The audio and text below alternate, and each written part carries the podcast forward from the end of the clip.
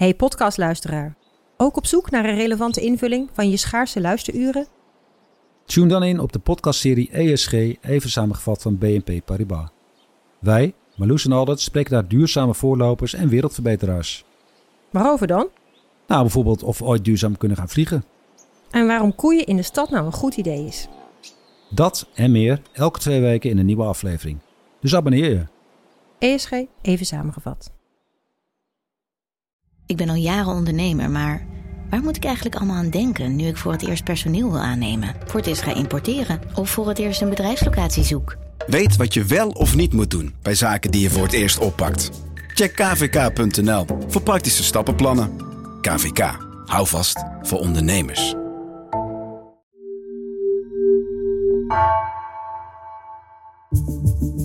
Vanaf de redactie van NRC het verhaal van vandaag. Mijn naam is Floor Boon.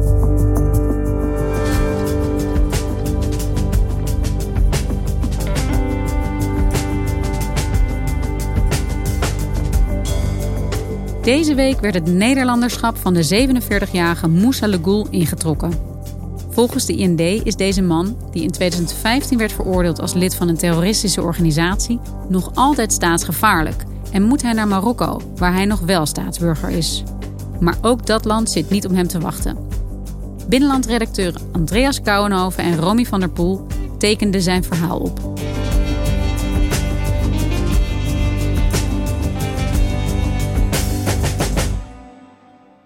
In 2014 wordt het kalifaat in Syrië uitgeroepen. En dat leidt er in de Haagse Schilderswijk toe dat een groepje radicale moslims de straat op gaat. Ze gaan wapperen met vlaggen, die dan op dat moment ook door IS worden gebruikt.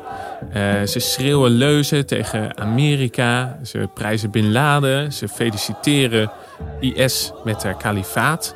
En een van de gezichten van die groep is een uh, al wat oudere man, klein van stuk, uh, met een baardje. En dat is Moussa Lungoul. Een man die zijn hele leven al in de Schilderswijk woont. Hij is een van de uh, figuren binnen, binnen dat groepje dat daar op straat staat. En dat jongeren probeert uh, te ronselen voor de strijd in Syrië. En vier weken geleden kreeg deze Moussa van de IND te horen dat zijn Nederlandse nationaliteit wordt ingetrokken. En hij moest binnen vier weken Nederland verlaten. Na 47 jaar word je gewoon het land uitgeschopt. Van jij bent niet meer welkom. Uh, samen met mijn collega Romy van der Poel heb ik hem opgezocht. Omdat recent zijn Nederlanderschap is, ingetrokken. Die dag was gisteren. En sindsdien is hij dus nu illegaal in zijn huis. En uh, heeft geen recht meer op uh, uitkering en zorg. Alleen, hij zal niet weggaan uit Nederland. Wat heeft Marokko met mij te maken? Jullie willen dat ik het land uitga? Nou, wat moet ik gaan dan? Andreas, jij hebt uh, deze Moussa Legoul uitgebreid gesproken. Wat is zijn verhaal? Ja, deze uh, Moussa is dus uh, 47 jaar en is geboren in Nederland. Heeft Marokkaanse ouders.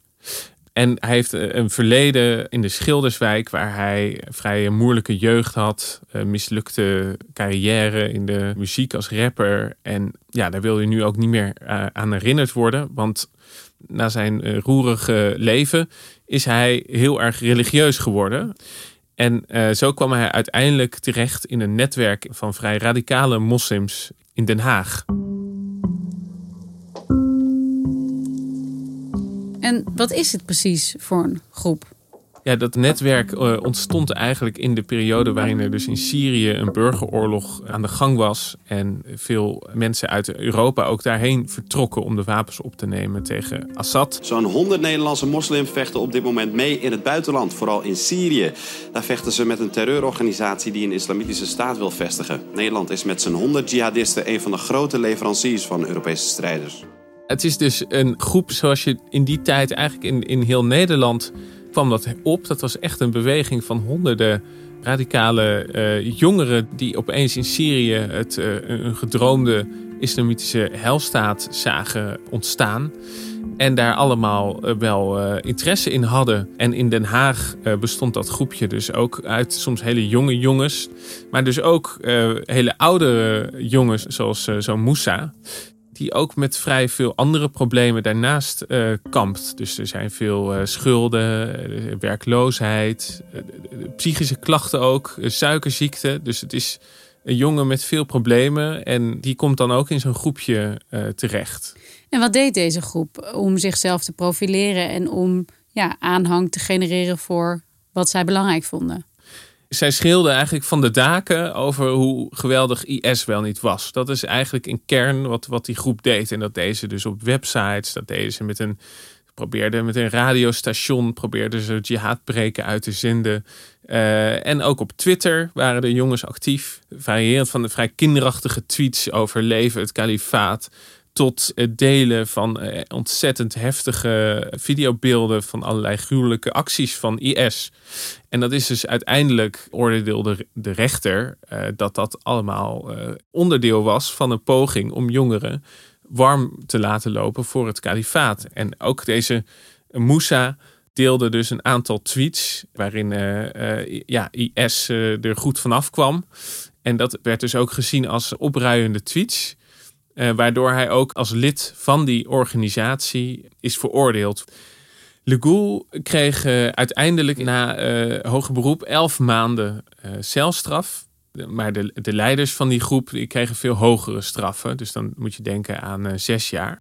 Van de strafoplegging in deze zaak dient ook een niet mis te verstaan signaal van afschrikking uit te gaan aan anderen die voornemens zijn dit te doen. Ze vormden een criminele organisatie met terroristisch oogmerk in Syrië, oordeelde de rechtbank.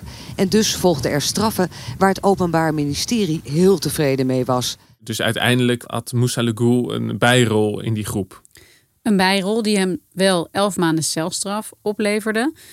Wat gebeurde er daarna met hem, nadat hij zijn straf had uitgezeten? Dan kom je dus eigenlijk terecht in het deradicaliseringsveld van de overheid. De overheid die wil graag dat jongens die uh, dan gevangen zitten weer resocialiseren. Dan proberen ze dus uh, ze te helpen bij schulden. Proberen ze te zorgen dat ze een huisje krijgen. Dat ze ergens een baantje krijgen. Dat ze meewerken met de reclassering. Dus dan zeggen ze, jij hebt hulp nodig bij uh, al je problemen, bij je schulden. We gaan jou helpen. En eigenlijk zie je dat die vorm van hulp, dat dat ook een verkapte deradicalisering uh, is. Dus ze proberen dan naast die hulp ook tot iemand door te dringen en met zo iemand toch weer te gaan praten over zijn denkbeelden. En te kijken van, nou kun je niet worden ondergebracht bij deze uh, werkplek waar we dan wat meer zicht uh, op zo iemand kunnen krijgen. En lukt dat ook? Bij een groot deel van deze mannen krijgt, mannen en vrouwen eigenlijk, krijgt de overheid daar niet echt grip op ze praten soms gewoon een beetje mee met de hulpverleners en zeggen van ja, maar ja, ik, ik uh, blijf toch wel mijn vrienden zien. Of ze blijven gewoon in hun oude netwerk zitten. En de overheid is daar eigenlijk uh, onmachtig in om dat uh, goed stuk te spelen. We hebben Moussa zelf opgezocht en dan merk je toch ook wel dat hij nog ja, vrij radicale denkbeelden op nahoudt. Democratie is een geloof. Je kan niet zeggen het is geen geloof omdat jij volgt die wet. Als je een christen bent, dan volg je die wet van Jezus en noem maar op. Begrijp? Dus elke geloof volgt die bepaalde wet. En de islam, niet alle moslims, bepaalde eh, moslims, die accepteren dat niet. Is de enige geloof die niet akkoord gaat met een ander geloof. De rest van de geloven hebben allemaal democratie uh, geoorloofd. Wat is jouw geloof dan waard nog? Je ziet dus dat hij nog heel radicaal is. Hij neemt ook bijvoorbeeld van, van IS nog steeds geen afstand, waar andere voormalige IS-sympathisanten inmiddels er een soort houding op nahouden van ja, dat, dat waren toch geen goede moslims. Het is toch verkeerd allemaal gegaan. Maar deze man die wil uh, absoluut nog van geen wijken weten. En die wijst er dan op dat dat zou mogen in Nederland. Hè? De wet verbiedt niets om um, radicale gedachten erop na te houden. Hij uh, zegt ook van ja, ik heb ook helemaal geen boodschap meer aan dat deradicaliseringstraject. Ik heb een keer met uh, reclassering over gehad. Ja. Ik zei als ik afstand zou nemen van mijn ideologie. Of mijn gedachtegoed of weet ik voor allemaal. Zou jullie mij met rust laten? Ze zeiden ja, maar met bepaalde voorwaarden. Daar ga ik niet mee akkoord. En dan zie je dus eigenlijk dat hij dus eind vorig jaar daarmee is gestopt. Dat daarna de IND om de hoek komt kijken. En die zegt, we gaan uh, uh, jouw nationaliteit afpakken. Dus de IND zegt, wij nemen jouw Nederlanderschap in. Mag dat zomaar? Nou, de, er is uh, in ieder geval een wet die zegt dat je van onherroepelijke terrorisme veroordeelden zou je het Nederlanderschap mogen afpakken als zij ook nog een andere nationaliteit hebben. Altijd. Nou, daar moet de rechter eh, nog even heel goed naar gaan kijken. Dit staat dan in de wet, maar tegenwoordig heb je terroristen in alle soorten en maten. Eh, de terrorismeafdeling in de gevangenis die zit vol met bijvoorbeeld financiers van terrorisme, met mensen die uh, hebben op, zouden hebben opgeruid tot terrorisme, terugkeerders. Dus, dus er zijn allerlei soorten types. Het zijn niet allemaal mensen die zelf een aanslag hebben willen plegen. Want op grond waarvan moet hij dan van de IND nu het land verlaten? Op grond eh, van zijn veroordeling voor terrorisme, dat is dus onherroepelijk geworden, gecombineerd met het feit dat hij niet in positieve zin veranderd zou zijn. Dat schrijft de IND in ieder geval in de brief waarin ze dat motiveren. Dus zij wijzen erop van, jij hebt nog steeds niet ingezien dat het fout is wat je hebt gedaan. Zijn zes jaar oude veroordeling is nu uh, reden voor de IND om deze man te willen uitzetten. Ja, eigenlijk op papier is dat uh, de reden. Uh, op de achtergrond speelt er een proces binnen de overheid dat zij het liefst van zoveel mogelijk mensen hun nationaliteit afnemen, van zoveel mogelijk terrorisme veroordeelden. Maar dat doen ze niet bij iedere uh, veroordeelde van terrorisme. En wat ik daarvan achter de schermen hoor, is dat daar een, een inschatting wordt gemaakt van ja, wie is er nou nog gevaarlijk en wie is zijn leven uh, aan het beteren tussen aanhalingstekens. En uh, ja, dat is een heel intransparant proces waarbij de overheid op, op hele onduidelijke wijze tot zo'n inschatting komt. Maar daar krijgt zo iemand zelf en zijn advocaat niets over te horen. Wat daaraan eigenlijk voor proces voor zit. Hey, en Andreas, Moussa Legoul verloor uh, zijn Nederlanderschap en zijn recht op uh, alles wat daarbij komt kijken. En is vanaf deze week dus officieel alleen nog maar Marokkaans staatsburger. Is hij dan nu ook op het vliegtuig naar Marokko gezet? Nee. En dat uh, heeft ermee te maken dat Marokko niet van, aan dit soort gedwongen uitzittingen meewerkt. Um, Marokko die heeft natuurlijk geen zin in een hele lading uh, probleemgevallen uit Nederland over te nemen.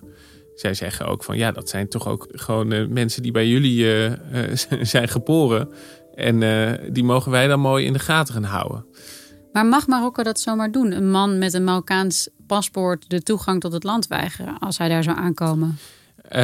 dat zou iets anders zijn als hij vrijwillig zou vertrekken. Uh, dan krijg je wel de vraag van mag, mag Marokko dan hem uh, de, de, deur weigeren? Maar als hij niet vrijwillig vertrekt, als hij hier wil blijven zitten, dan uh, heb je de toestemming en de medewerking van Marokko nodig. En wat gebeurt er dan nu met Le ja, dat is eigenlijk de grote vraag. En wat je tot nu toe ziet, is dat dit soort mannen in de illegaliteit hier verdwijnen. En dan krijg je dus de situatie dat je dus iemand die eigenlijk toch nog relatief onder controle was. Je weet waar hij woont, je, je hebt er zicht op, hij moet zich toch nog uh, melden. En nu heb je de situatie dat je eigenlijk het zicht totaal kwijtraakt op zo iemand. En daar zien de veiligheidsdiensten ook wel echt een gevaar in. Dat zie je in rapporten terugkomen. Daar wordt echt gewaarschuwd voor van ja, eigenlijk raken wij het zicht kwijt op de mensen die op deze manier dus nog ergens zonder woon- en verblijfplaats uh, rondzwerven. Ja, want ik kan me dat eigenlijk wel voorstellen dat als iemand contact heeft met reclassering, met andere instanties die hem in ieder geval nou ja, toezicht houden op wat hij doet, dat je dan meer controle hebt dan als je alles loslaat. Want voor welk probleem is dit dan zo bezien eigenlijk een oplossing? Uh, dit is op geen enkele manier een oplossing. Uh, dit is vooral een politieke wens uh, dat er rond de opkomst van IS door de politiek is gezegd van wij willen IS met en, en haar uh, strijders. Ja, daar willen we allerhande maatregelen om die te kunnen aanpakken. En een van die maatregelen was: je gaat het land maar uit als je, als je zo nodig daar wil strijden. En dat is natuurlijk begrijpelijk dat je die wens hebt. Maar ja, je ziet dus al enige tijd dat die wens in de praktijk eh, anders uitpakt. En dat dat dus ja, niet, niet zo goed doordacht is. De politieke retoriek rondom jihadisten en dit gedachtegoed, die laat zich moeilijk rijmen met de uitvoerbaarheid Ja. daarvan. Ja, ja. En hoeveel mannen en vrouwen zoals Moussa Legoul zijn er eigenlijk in Nederland op dit moment? Mensen van wie hun staatsburgerschap is afgepakt. Eh, dat is eh, rond de 40 keer eh, gebeurd nu. Eigenlijk eh, zie je dat er van die mensen waarbij de nationaliteit is afgepakt, dat er maar een heel klein deel daadwerkelijk is teruggekeerd naar het land van herkomst. En veruit de meeste, die eh, zwerven nog ergens rond. En zo wordt dat veel moeilijker om daar zicht op te houden. En dat zie je dus ook in rapporten, dat dat hardop wordt uitgesproken door mensen vanuit de eh, opsporing en de, de, de veiligheidsdiensten. Die geven dat ook echt aan. Die zeggen van ja, eh, nadat iemand eh, hier illegaal wordt, is ons eh, informatie over die persoon droogt, droogt op. Kan Moussa Legoul deze beslissing van de Nederlandse staat nog aanvechten? Ja, dat doet hij ook. Zijn advocaat die is het hier natuurlijk niet mee eens. En die vindt eigenlijk dat dit een soort dubbele bestraffing is. Ja, hij is gestraft voor hetgeen wat hij dus in 2015 eh, volgens de rechter heeft, he- heeft gedaan. Daar heeft hij zijn zelfstraf voor uitgezeten. En zijn advocaat die zegt van ja, door aan die veroordeling ook nog deze sanctie te koppelen, waarbij je dus iemand eh, eh, voor de rest van zijn leven eigenlijk eh, eh, ontzettend treft, heb je eigenlijk te maken met een dubbele bestraffing en dat, dat mag niet. Wat de verdediging ook een problematisch punt vindt, is dat deze maatregel alleen geldt voor mensen met een dubbele nationaliteit. Maar de maatregel geldt niet voor Nederlanders met een, alleen een Nederlandse nationaliteit. En eh, ja, daarover zeggen zij dat dat eh, dus discriminatie eh, is en het ongelijk behandelen van, van, van, van burgers met een dubbele nationaliteit. En ja, de rechter zal dus heel goed gaan kijken van is dit nou nog eh, proportioneel? In eerdere gevallen heeft de rechter dus bijvoorbeeld over iemand die in Syrië is gaan strijden en is teruggekeerd, heeft de rechter geoordeeld, nou dat mag, zo iemand mag je zijn nationaliteit afpakken. En dit is toch wel weer een ander geval, hè? dat het echt gaat om iemand die dan een, eh, een bijrol speelt in een organisatie. Daar dus een, eh, wat tweets over heeft gedeeld, pro-IS tweets.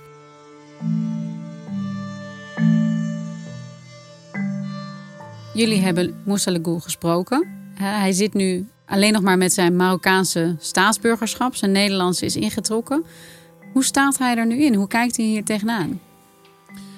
Wat wij aantroffen was dat er eigenlijk eh, hij alleen maar eh, bozer en gefrustreerder eh, is geworden van deze maatregel. En waardoor je ook misschien wel kunt afvragen van nou, wordt zo iemand hier niet juist gevaarlijker door? Dat, eh, dat, dat je iemand eh, die, die al weinig te verliezen heeft, nog extra triggert. Dan denk ik van, ik ben een gevaar van Nederland.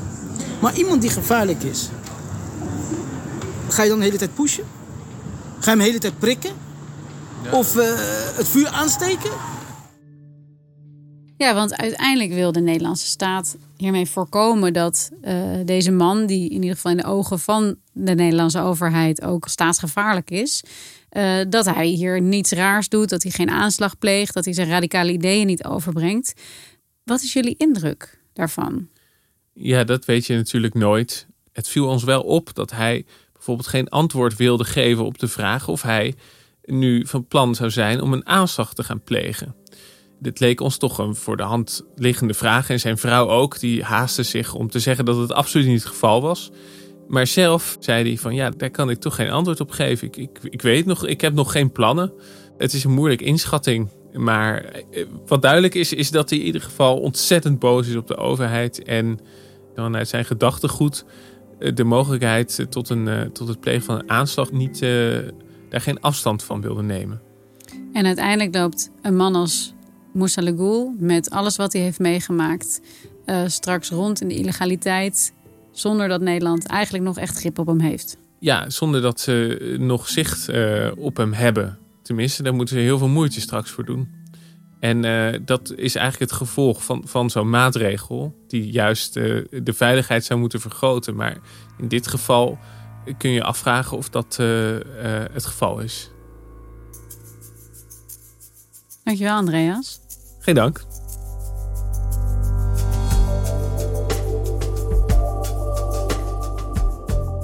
Je luisterde naar vandaag, een podcast van NRC. Eén verhaal, elke dag. Deze aflevering werd gemaakt door Felicia Alberding, Iris Verhulstonk en Misha van Waterschoot. Dit was vandaag. Morgen weer.